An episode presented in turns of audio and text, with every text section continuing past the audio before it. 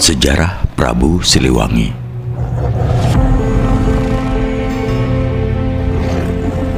Hampir semua pegunungan di Tatar Sunda menjadi tempat hunian para leluhur Pajajaran.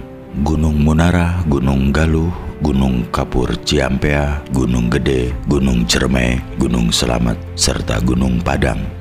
Rupanya pegunungan menjadi suatu tempat yang mengesankan dengan alasan tertentu. Selain itu dalam babat, pegunungan lainnya di luar Pulau Sunda juga banyak mencatat riwayat tentang sejarah Prabu Siliwangi yang menjadi tokoh kerajaan Pajajaran. Tentunya kondisi tempat-tempat tersebut sudah jauh berbeda dengan keadaan sekarang. Dahulu kala keadaan alam masih hutan lebat, masih berupa padang savana tanpa pepohonan. Di lain pihak, Prabu Siliwangi juga menyukai gua atau lembah yang mendekati aliran sungai.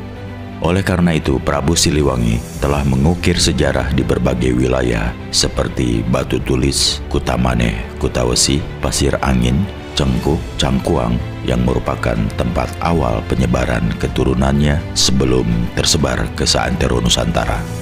Tetapi di luar tempat-tempat tersebut, bagaimana sebenarnya tentang tabir adanya Prabu Siliwangi walaupun terkadang masih bersifat legenda. Namun nama tempat maupun nama tokoh menjadi alasan kuat yang selalu merujuk padanya sebagai sebuah untayan riwayat akhirnya tetap perlu ditelusuri tidak hanya oleh keturunan Prabu Siliwangi tetapi oleh seluruh orang Sunda sehingga dapat menemukan titik terang. Di lain pihak, masih banyak lokasi yang belum terungkap di belakangan jagat raya ini yang pernah dijelajahi oleh Prabu Siliwangi. Meskipun dengan kendala yang ada seperti narasumber yang sulit mengungkap sejarah Prabu Siliwangi, baik menuturkan dengan pendekatan secara batiniah ataupun artefak.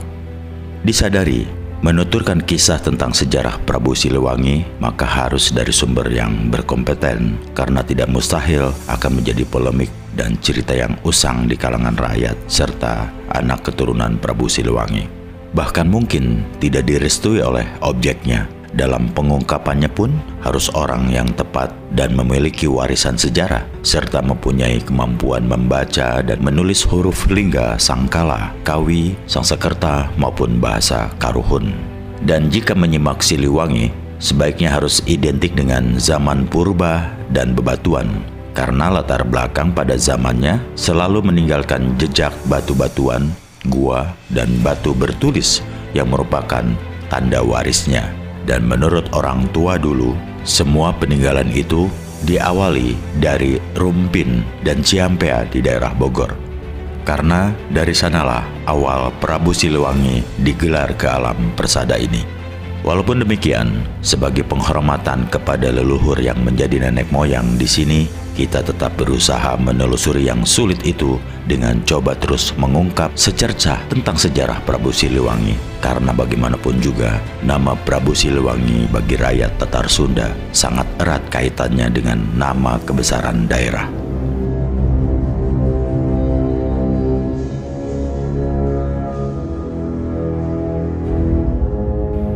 Berkaitan dengan keberadaan nama kerajaan Pajajaran, nama Siliwangi banyak dihubungkan dengan nama kerajaan Tarumanegara maupun dengan nama Sunda atau nama kerajaan Pajajaran. Hanya di sini kita akan singgung nama kerajaan Pajajaran saja, karena nama kerajaan Pajajaran mungkin yang paling tepat dan sangat berarti. Namun, bukan nama lainnya diabaikan. Sebagai contoh, nama Tarumanegara yang asal usulnya disebut demikian karena di kawasannya banyak pohon tarum dan sebuah nagara sebagai tanda dari akses Sunda. Na, ga, ra, a, a, a. Namun kerajaan Pajajaran sendiri adalah hasil upaya sang pemimpin. Menurut orang tua, nama kerajaan Pajajaran adalah nama lain dari kata jajaran atau berjajar. Jajaran tempat atau jejeran anak cucu dan keturunannya sedang nama Siliwangi adalah nama gelar untuk setiap anak cucu keturunan dari kerajaan Pajajaran. Meskipun memang tidak semua anak cucunya bisa dikatakan Siliwangi, karena gelar tersebut hanya kepada anak cucu tertentu yang pantas dan menjadi pemimpin yang dapat menebar wewangian kepada masyarakatnya atau kokolot dalam bahasa Sunda. Tahun berapa adanya kehidupan masyarakat Pajajaran?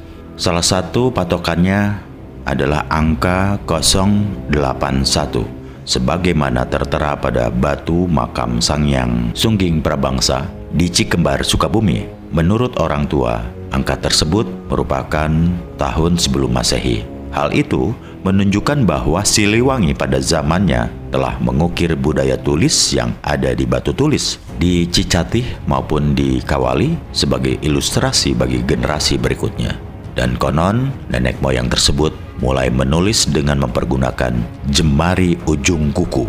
Kuku yang kita kenal merupakan tanda doraka dan dari sisa jasad kulit manusia ketika diciptakan itu ternyata ampuh dan tajam terhadap batu sekalipun. Malah menurut informasi orang tua tentang angka dan bahasa pun banyak dipelajari dari alam. Tulisan pada batu itu dikenal dengan istilah aksara lingga sangkala. Dalam situasi zaman sengsara atau zaman prihatin itu diistilahkan mikrob kolbu. Nah, dari situasi mikrob kolbu, orang tua dulu mempelajari dan meniru huruf yang ada di dedaunan maupun buah-buahan. Bahkan sampai sekarang, dari daun dan buah itu tetap masih ada, walaupun hanya berupa garis ikal dan berliku, tetapi tetap mirip dengan tulisan yang dibuat orang tua dulu. Sementara berkaitan dengan kondisi alam, pada zaman itu Kebudayaan manusia masih serba purba dan primitif. Alat maupun perkakas untuk menunjang kehidupannya sangat sederhana sekali. Adapun yang mereka ciptakan, mula-mula kampak, pisau maupun tombak. Semuanya dipergunakan sebagai alat berburu, tetapi juga dipergunakan sebagai senjata. Kenapa harus senjata dulu yang dibuat dan dimiliki? Senjata menjadi penting karena untuk melindungi dari ancaman binatang buas maupun sebagai alat berburu untuk kebutuhan makan. Jika demikian beralasan karena keadaan alam pada zaman itu masih didominasi hutan belantara sehingga binatang buas bebas hidup berkeliaran, maka wajar setiap manusia mempersenjatai diri untuk melindungi dirinya.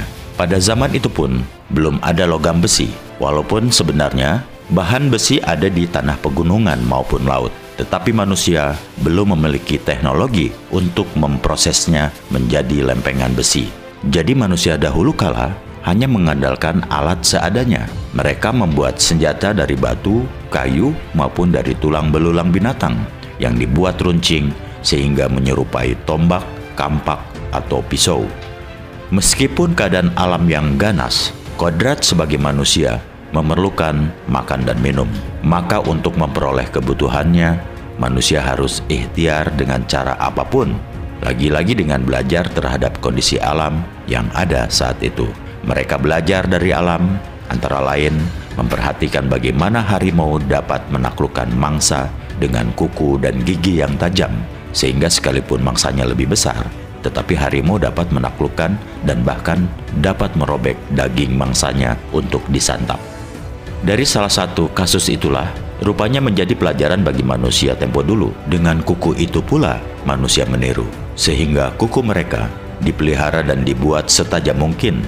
Dengan kuku yang tajam itulah, mereka seolah-olah memiliki kekuatan untuk berburu. Mereka dapat memperoleh hasil perburuan untuk kelangsungan hidupnya. Mereka sangat menikmati daging mentah, sekaligus bisa menghirup air darah serta memanfaatkan kulit binatang. Apabila yang mereka peroleh buruan kijang atau domba, maka menjadi keberuntungan berlipat ganda, yaitu dapat daging dan kulitnya. Karena kulit hewan tersebut mereka gunakan untuk menutupi anggota badan agar terhindar dari udara dingin maupun kondisi panas. Sejak itulah mereka mulai dapat membedakan keadaan badan yang ditutupi kulit binatang dengan kondisi badan tanpa ditutupi. Sehingga dari pengalaman itulah mereka mulai mencari alternatif selain kulit binatang, yaitu pelepah pohon pisang atau upih dalam bahasa Sundanya. Ternyata upih menjadi keperluan dan pilihan mereka untuk menutupi auratnya. Dengan upih itulah mereka nampak tidak telanjang sama sekali, malah terlihat seperti berbusana ala kadarnya. Budaya menutupi aurat sejak itu mulai berkembang, walaupun sangat sederhana. Coba bayangkan bagaimana sosok orang tua dulu dengan badan tinggi besar, kuku panjang dan tajam, serta rambut panjang gimbal dan tidak terurus, lantas tanpa penutup badan pula. Nampaknya terlihat menyeramkan, bukan? Nah, berkaitan dengan siapa Siliwangi? Siliwangi ketika lahir bernama Pancawala, ayahnya bernama Sangyang Dewa Murba atau Nirwana Sangyang Doma Siliwangi, dan ibunya bernama Nyi Sri Dewi Pohaci, dikenal dengan nama Sunan Ambu beliau memiliki ageman ilmu Cangkok Wijaya Kusuma. Jadi nama Siliwangi sudah ada dari nama orang tuanya yaitu Nirwana Sangyang Doma Siliwangi. Jadi nama Siliwangi bukan nama baru atau telahan, sehingga kepada keturunannya pun tetap digunakan karena nama itu sama dengan bin atau alias. Mengenai sosok Siliwangi, ada pendapat mengatakan menyerupai harimau. Hal itu tidak tepat jika Siliwangi yang dilambangkan ibarat harimau, karena harimau malah menjadi hewan mainan dan kesayangannya, dan harimau itu sendiri dapat dikepit sebelah tangannya, jadi dapat dibayangkan sebesar apa orang tua dulu kala. Karena antara Siliwangi dengan harimau, seperti sekarang layaknya orang dewasa mengangkat seekor kucing, jadi sebenarnya jika Siliwangi dikatakan harimau hanyalah mitologi. Mungkin juga mengandung arti bahwa harimau adalah raja hutan yang ditakuti dan disegani oleh binatang hutan lainnya. Memang tidak dapat dipungkiri bahwa kehidupan Siliwangi ibarat angin, bagai kilat dan penuh petualangan. Walaupun demikian, tidak mustahil Allah Subhanahu wa taala menciptakan Siliwangi tanpa perencanaan, pasti di balik itu ada kehendak Allah menciptakan umatnya.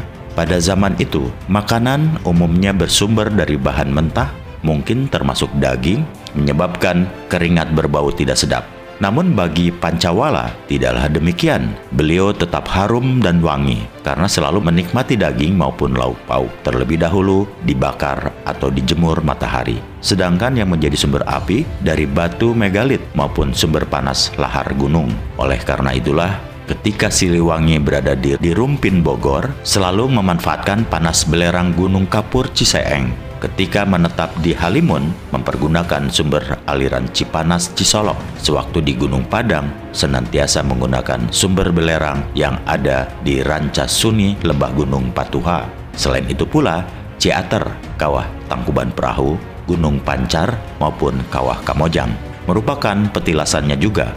Bahkan Gunung Pancar dijadikan tempat panembongan Tatar Sunda. Banyak tempat dan sumber panas gunung lainnya dijadikan tempat mengolah daging dan ikan untuk hidangan makanannya. Oleh karena itu, beliau tidak menyantap daging maupun ikan mentah yang menyebabkan badan bau tak sedap. Dari perbedaan itulah, tubuh Pancawala tetap harum dan wangi. Di kalangan manusia purba, ia sudah dikenal dengan sebutan Siliwangi. Panggilan atau sebutan penggunaan nama Siliwangi adalah atas restu dan perintah leluhurnya. Hal itu menjadi kebiasaan kepada anak keturunannya jika diberikan gelar.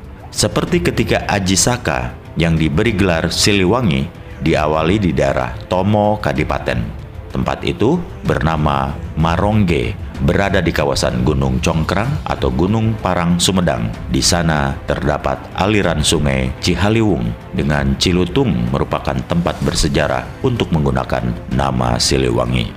Bahkan di Cilutung diberi nama air ludah beraja dan di sekitar Marongge ditandai dengan batu yang diberi nama Musang Geni. Tetapi Kiai Haji Prabu Kian Santang selaku putra keturunan Siliwangi tidak menggunakan nama Siliwangi.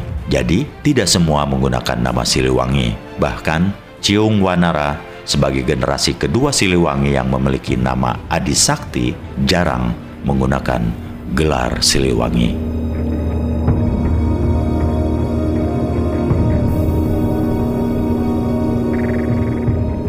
Berkaitan dengan senjata, Siliwangi memiliki ageman ilmu cangkok Wijaya Kusuma. Senjatanya berupa senjata alam yang tidak berwujud sehingga tidak nampak oleh kasat mata. Namun banyak orang meyakini bahwa kujang adalah senjata milik Siliwangi.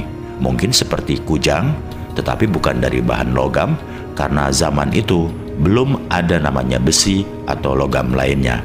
Memang Bahan besi sejak dahulu kala banyak terdapat di tanah pegunungan maupun laut. Namun, proses pengolahan menjadi besi belum ada teknologinya. Senjata kujang Siliwangi itu sejatinya berupa nur cahaya sehingga tidak terlihat oleh kasat mata. Rupanya semacam mustika alam dan besi kuning dan ada keyakinan bersemayam di Pulau Baas, pulau sekitar daerah Cilacap. Senjata lainnya milik Siliwangi yaitu diberi nama Gendeng Kalipitu. Pusaka itu sewaktu-waktu menjelma berwujud layaknya manusia serta sering kali menampakkan diri di setiap gunung yang bernama Gunung Padang.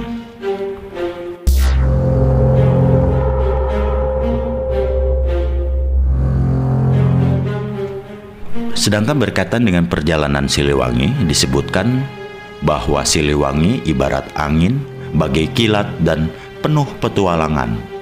Beliau senantiasa berpetualang dari satu tempat ke daerah lainnya dan selalu meninggalkan jejak batu bertulis atau batu berbentuk lingga atau berbentuk yoni dan juga gua.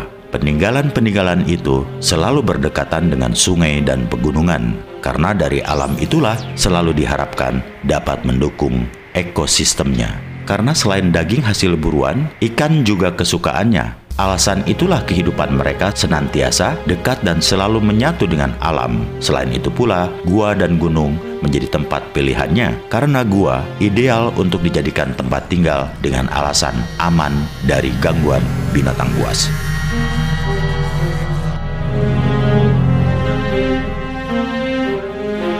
Perjalanan awal Siliwangi bukan hanya terdesak oleh kebutuhan hidup saja, tetapi juga mengemban misi tertentu yang dirahasiakan oleh penciptanya. Sementara berhubungan dengan tempat, Kerajaan Pajajaran di Bogor tidak memiliki tempat yang permanen sebagai pusat kegiatan maupun untuk bernaung sebagai tempat bercengkrama layaknya masyarakat sekarang. Nama Bogor waktu itu bernama Saka Bumi yang artinya tempat Saka Domas, Aji Saka, Gendeng Kalipitu, dan lain-lain yang menjadi tokoh kerajaan Pajajaran. Sedang nama kerajaan Pajajaran hanya untuk kiasan menjajarkan anak keturunan yang sudah terjadi menyebar dari satu tempat ke tempat lainnya. Oleh karena itu, sebelum mereka mempunyai anak keturunan dan belum menyebar, tidak ada nama Pajajaran. Setelah mereka melakukan perjalanan jauh menyebar anak keturunan, barulah muncul nama Pajajaran. Sebagai dasar perimbangan, tempat bebatuan di Cibeduk Raden diberi nama Hang Tua Pajajaran yang artinya tempat para leluhur Pajajaran. Hang tua lainnya diawali dari Gunung Munara. Oleh karena itu, uraian perjalanan Siliwangi dari satu tempat ke tempat lainnya dimulai dari Gunung Munara atau Rumpin Bogor, kemudian Gunung Kapur Ciampea Bogor, Lemah Duhur Batu Tulis, Kutamane atau Kutawesi Cikembar dan sekitarnya, Gunung Halimun, Cikakak, dan Cengkuk, Cangkuang, Galuh atau Karang Kamuliaan maupun Kawali, Majeti, Pajajar, dan Cipaku, Gunung Padang, Gunung Selamat. Urutan tempat-tempat itu bukan berarti secara berurutan jalur pengembaraan Siliwangi, tetapi daerah itulah yang banyak dan sering dijadikan hunian yang paling disukainya. Selain itu pula, daerah yang tidak tersirat bukan berarti tidak disenangi, tetapi malah menjadi basis bagi keturunan Prabu Siliwangi bermasyarakat pada zaman selanjutnya. Oleh karena itu, langkah dan petualangan Siliwangi tidak terikat di satu lokasi saja, tetapi beliau bergerak lincah dan cepat ke setiap penjuru, bagai angin bertiup dan sesuai dengan julukan lain nama beliau yaitu Sangyang Kilat Buana. Itulah beberapa tempat Pulau Sunda bagian barat yang telah dihuni oleh keluarga Siliwangi maupun keturunannya. Di samping itu, perjalanan beliau juga tercatat ke arah timur Nusantara seperti ke Gunung Lawu, Gunung Klut, Gunung Tengger, Gunung Sundoro, sekitar Dieng, dan Gunung Wukir, Kecamatan Salaman Magelang, dan lain-lain. Malahan ketika di Ponorogo melahirkan keturunan yang kelima. Dalam cerita pewayangan wilayah Gunung Dieng, dijuluki negara Madukara. Sewaktu menghuni Sundoro, kebudayaan membuat patung maupun candi sangat digandrungi sehingga sejak itu sekitar Gunung Dieng banyak berdiri candi untuk pemujaannya. Di samping itu, Di sana juga terdapat Telaga Warna, sebagaimana dimaklumi bahwa Siliwangi juga menyukai Telaga Warna di puncak Bogor, Telaga Warna di Gunung Jampang Tengah, dan Telaga Warna atau Danau Kelimutu masih di sekitar Dieng. Terdapat Gua Sumur, Gua Semar, Gua Dewi Kuan In, padahal gua atau relung tanah tersebut merupakan tempat Siliwangi bertapa. Sewaktu Siliwangi di wilayah Gunung Wukir memiliki generasi keturunan yang ketujuh yaitu Sailendra. Artefak yang ada di Gunung Wukir ini ditandai dengan candi dan arca banteng lilin sama seperti yang terdapat di kebun raya Bogor. Petilasan lain Siliwangi di Gunung Lawu dahulu terdapat sebuah gua yang menghadap arah matahari. Itu pun menjadi tempat pertapaan Siliwangi Kesamaan lainnya yaitu tempat yang paling disukai Siliwangi menikmati sumber air Jalatunda seperti yang terdapat di Kebun Raya Bogor, di Cirebon, dan Tretes Malang. Perjalanan Siliwangi tidak sekedar di Pulau Sunda bagian barat saja, tetapi merambah ke beberapa pulau lainnya seperti di Padang dengan nama Aditya Warman, ke Pulau Nias meninggalkan petilasan Batu Loncat, di Aceh menetap di daerah Tapak Tuan, kemudian juga beliau menyeberang ke Kalimantan dengan nama Mula Warman, masih sekitar Kalimantan juga beliau menghuni pulau kecil dekat Banjarmasin yang sekarang bernama Kota Baru. Bahkan sebelum menghuni Kota Baru, pernah tinggal di Danau Toba dan menurunkan keturunan bermarga Sisinga Mangaraja Sisinga Mangaraja ketika diangkat menjadi pembantu atau pengawal Siliwangi memiliki tanda merah di pipinya. Ketika murca di Sukawayana, Siliwangi meneruskan pengembaraannya ke Lampung dan Palembang. Di sana meninggalkan petilasan berupa patung Dewi Sri, namun penduduk di sana menyebutnya patung lidah pahit. Padahal arti dari lidah pahit yaitu saciduh metuh saucap nyata, yaitu ucapannya yang dikeluarkan benar, dan nyata. Sungguh tidak diduga pengembaraan Siliwangi begitu jauh. Namun begitulah Siliwangi tidak berhenti sampai di kota baru saja. Beliau yang memiliki nama lain yaitu Sangyang Tapak juga pernah menghuni Gua Leang di Sulawesi sebelum berada di Danau Merah, Irian Jaya. Mungkin agak lama mendiami daerah Goa karena ketika di sana beliau menurunkan ilmu menulis bagi keturunannya yang berada di Bugis setelah Danau Toba, Danau Merah, dan juga pernah tinggal di sekitar Danau Kelimutu atau Ende Flores, wilayah Pulau Sunda Kecil. Siliwangi tidak dan bukan berkuasa dalam Pulau Sunda saja, tetapi juga menelusuri jejaknya melebihi jagat Nusantara. Lalu bagaimana dengan perubahan nama Pulau Sunda? Entahlah, Indonesia merupakan daratan yang terhampar luas, sedangkan pada masa itu yang disebut Pulau Jawa adalah yang sekarang Pulau Bali. Dan di sanalah menetap Sang Yang Dewa, salah seorang putra pertama keturunan Siliwangi generasi yang ke-8. Sedangkan adiknya yang perempuan yaitu Sangyang Rinjani menetap di pegunungan yang kemudian diberi nama Gunung Rinjani, gunung yang memiliki ketinggian antara 300 hingga 3700 meter dari permukaan laut ini terletak di Lombok, Nusa Tenggara Barat. Sedangkan kakak perempuan yang paling tua dari Sangyang Dewa pergi ke Danau Kelimutu atau Danau Pusaka Alam. Dinamakan Pusaka Alam karena danau tersebut memiliki air berwarna lambang negara. Namun sebelum Sang Yang Dewa ke Bali, beliau sempat membuat candi jabung di kawasan Panarukan. Malahan sampai ujung pulau Sunda besar itu, tepatnya di Alas Purwo, Kabupaten Banyuwangi, terdapat gua dan makam panjang. Itulah suatu tanda peninggalan Siliwangi. Perkembangan selanjutnya dalam sejarah Prabu Siliwangi di mana Pulau Sunda Besar dan Sunda Kecil pada zaman pemerintahan Belanda dibagi-bagi menjadi beberapa daerah provinsi dengan strategi pembentukan pemerintahan agar dapat memudahkan pengendaliannya. Namun perubahan dari Pulau Sunda menjadi Pulau Jawa entah gagasan siapa dan kapan. Oleh karena itu, kejadian perang bukan perang antar daerah atau perang antar suku atau antar agama Hindu dengan Buddha, tetapi pertikaian antara keturunan Siliwangi dan terjadi di Pulau Sunda Besar. Kejadian pertikaian tersebut hanya memperebutkan pewarisan Candi Borobudur di antara keturunan Siliwangi, antara Haryang Banga dengan Ciung Wanara. Warna biru dan merah inilah yang bertikai menentukan penguasaan Borobudur. Harian Banga yang berkuasa di daerah timur dengan warna hijau, Ciung Wanara berkuasa di daerah barat dengan warna merah.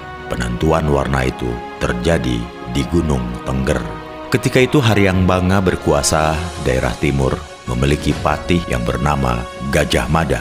Gajah Mada adalah patih yang setia dan salah satu pengawal yang berilmu sakti mandraguna.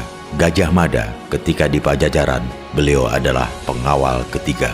Namun, sewaktu terjadi pertempuran memperebutkan penguasaan Borobudur itu, ia terluka oleh senjata saudaranya dari daerah barat dan Gajah Mada menyadari hanya senjata dari Siliwangi yang dapat mengalahkannya dalam kondisi luka dan menghindari perang saudara lebih dahsyat lagi dengan saudaranya, ia lari dan menjauh ke arah Malang. Sampai hayatnya, ia bersemayam di salah satu gua di daerah Malang. Tempat peperangan bubat terjadi di beberapa tempat dan puncaknya terjadi di sekitar Sidoarjo. Dalam pertempuran sengit itu pun, Diah Pitaloka tertusuk pula oleh senjata saudaranya dari timur. Ia berlari ke arah Kediri dan sampai hayatnya meninggalkan prasasti tulisan Palawa atau Sangkakala di daerah Gunung Kawi. Perebutan kekuasaan itu banyak meninggalkan korban dari kedua belah pihak, terutama para bela prajurit. Setelah kejadian itu, hubungan antara kedua belah pihak keluarga menjadi tidak harmonis lagi. Bahkan pihak dari keluarga Siliwangi dari timur mulai meninggalkan agama Hindu sebagai agama dari keturunannya Sejak saat itulah mereka mulai menghimpun diri menjadi kekuatan kelompok masyarakat dan pada akhirnya kelompok kekuatan itu kelak menjadi wilayah kerajaan-kerajaan di antaranya seperti Singosari dan Majapahit. Khususnya mengenai Gajah Mada maupun Hayam Wuruk, mereka merupakan keturunan Pajajaran dan diisyaratkan dengan tanda pada batu yang menggambarkan tapak kaki gajah dan telapak kaki ayam yang terdapat di tepi sungai Ciampea di Bogor telah hilang. Sayang, artefak jejak kaki ayam telah lenyap sehingga sulit menjadi pembuktiannya. Gajah Mada sendiri ketika di Pajajaran menjadi pengawal atau patih yang ketiga dan beliau meninggalkan berupa tanda batu di Batu Gede, Bojong Gede di Bogor.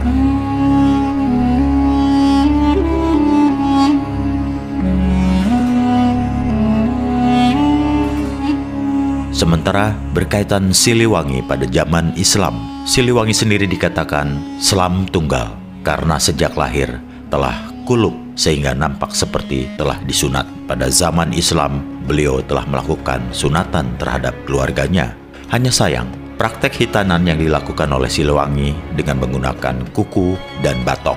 Lubang yang nampak di bagian ujung batok kelapa dijadikan lubang penis Kemudian penis yang menjulur ia potong dengan kuku. Namun pertama hitanan yang dilakukan Siliwangi telah merenggut nyawa keluarganya karena salah memotong. Salah satu korban salah potong hitanan tersebut dimakamkan di sebelah selatan Batu Tulis sekarang. Generasi Siliwangi ke-14 yaitu yang bergelar Haji Kiai Prabu Kian Santang setelah gagal melakukan hitanan di lemah Duhur Batu Tulis Bogor, akhirnya kembali lagi menemui gurunya di tanah Arab. Sekembalinya dari Zazirah Arab, beliau hijrah ke Gunung Mandalawangi Garut. Di Godok Suci itulah dimulai pengislaman melalui hitanan lagi. Haji Kiai Prabu Kian Santang atau dikenal pula bernama Sangyang Sunan Rohman yang kemudian akrab dengan nama Sunan Rohmat dan sampai akhir hayatnya bersemayam di Gunung Mandalawangi. Suatu saat, kadang beliau suka mengunjungi Gunung Batu atau Cupu atau Gunung Sunda dan di Gunung Bentang Sukabumi pula bernama Eyang Sunan Agung Cakrawala atau Kiai Santang Ratu Sunda. Tetapi beliau lebih banyak menempati lemah duhur Batu Tulis Bogor dengan panggilan Eyang Mbah Buyut Haji Wali Jaya Sakti Mangkurat Jagat Nolinggi di lemah duhur Wali Tunggal Pakuwon Pajajaran dan selalu didampingi oleh saudaranya Sangyang Lodaya Sakti. Oleh karena itu, tidak mustahil banyak di antara keturunannya menjadi tokoh Islam dan menggunakan nama-nama Islam seperti nama Mama Kanjeng Sunan bagi anak laki-laki dan atau nama Siti bagi yang perempuan. Bahkan beliau sendiri di samping menggunakan nama terkesan Hindu atau Buddha seperti Sangyang, Batara, atau Prabu, juga menggunakan nama lain seperti Haji Sakti Kodratullah, Haji Putih. Bahkan ada nama lain beliau yang bernuansa Sunda kental, yaitu Haji Agung Komara Putih ketika di keturunan Siliwangi mengadakan pertemuan di Gunung Tengger, Bromo yang meliputi wilayah Probolinggo, Malang, Pasuruan, dan Lumajang. Pembahasannya menyinggung aliran atau ageman cara beribadah. Keturunan yang masih menganut Sunda atau Hindu tetap beribadah dengan caranya, sedangkan agama baru, yaitu Islam, beribadah pula dengan aturannya. Namun tetap dari sekian banyak keturunan masih ada yang berselisih yaitu antara Ki Gede Palimanan dengan Prabu Atas Angin. Ki Gede Palimanan adalah salah seorang keturunan Sancang Lodaya Sakti. Sancang Lodaya Sakti adalah salah satu keturunan Siliwangi dari istrinya yang berada di Gunung Cermai, Kuningan. Sejatinya suka menjelma bagaikan seekor harimau. Oleh karena itu, keturunan Ki Gede Palimanan tidak pernah dan tidak mau menyebut nama Ki Gede Palimanan karena setiap mengucap nama itu maka di hadapannya akan hadir tiba-tiba seekor harimau. Penduduk dan keturunannya selalu menyebut dengan nama Mbah Kuwu Samkan.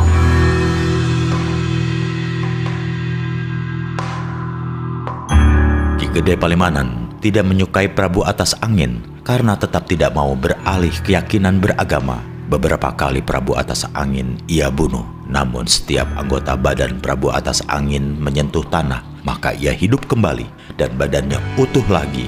Begitulah seterusnya. Tetapi setelah dibunuh, badan Prabu Atas Angin digantung tidak menyentuh tanah, barulah benar-benar meninggal. Sejatinya, Prabu Atas Angin memiliki ilmu batara bumi. Prabu Atas Angin memiliki garwa ibu ratu bungsu dari keturunan Ki Buyut Sawala. Dari perkawinan itulah lahir Syekh Siti Jenar. Di lain pihak, yaitu Ki Gede Palimanan, mulai menyebarkan ajaran Islam di Gunung Murti Jati atau lebih dikenal dengan nama Gunung Jati karena di sana banyak terdapat pohon jati Cirebon. Syekh Siti Jenar memiliki ilmu jiwa raganya dipenuhi pangaweruh tanpa guru namun perselisihan paham dengan ajaran Islam dengan Dewan Wali Songo menjadikan Syekh Siti Jenar yang tengah berkiprah di daerah Tuban, Demak Bintoro dianggap penganut Islam sesat. Untuk menghindari perseteruan dengan para Wali Songo, akhirnya Syekh Siti Jenar lebih banyak berkalwat di Cirebon Girang. Syekh Siti Jenar diyakini akhirnya melepas sukmanya di daerah Gunung Awisan Kanoman atau Plangon Cirebon. Syekh Siti Jenar atau nama lain yaitu Syekh Lemah Abang. Ajarannya lebih menitik beratkan terhadap tasawuf dan mengandung nilai metafisika. Dipandang Dewan Wali Songo menyimpang dari ajaran Islam. Pada akhirnya, keturunan pajajaran ini murca di Plangon. Syekh Siti Jenar ternyata di sana dinamai Syekh Sarip Abdurrahim atau Pangeran Kejaksan. Namun Syekh Siti Jenar sebelum tilar dunia mempunyai keturunan yang bernama Selingsing yang juga penyebar agama Islam di daerah Kudus. Syekh Sarip Abdurrahim atau Pangeran Kejaksan mempunyai saudara kandung yaitu Syekh Pangjunan. Dari saudara-saudara Pangeran Kejaksan inilah menurunkan ulama yang menyebarkan agama Islam ke berbagai pelosok daerah melalui salah seorang keturunannya yaitu Syekh Sarif Hidayatullah. Salah satu wilayah yang diislamkan termasuk Banten di Banten mempunyai garwa Ibu Ratu Kawung Anten dan melahirkan Syekh Subakinkin dan Ratu Winaon. Ayah Syekh Sarif Hidayatullah adalah Maulana Muhammad Sarif Abdullah bin Nurul Alim, seorang pejabat di Zazirah Arab. Dari dakwah Syekh Sarif Hidayatullah inilah penyebaran agama Islam berkembang pesat. Begitulah Siliwangi, beliau yang memiliki berbagai nama, menyukai hidup berpindah-pindah tempat, layaknya kaum nomaden memang secara lahiriah kurang masuk akal karena begitu mudah berpindah dari satu tempat ke tempat lain. Namun keadaan alam pada zaman itu mendukung petualangan Siliwangi.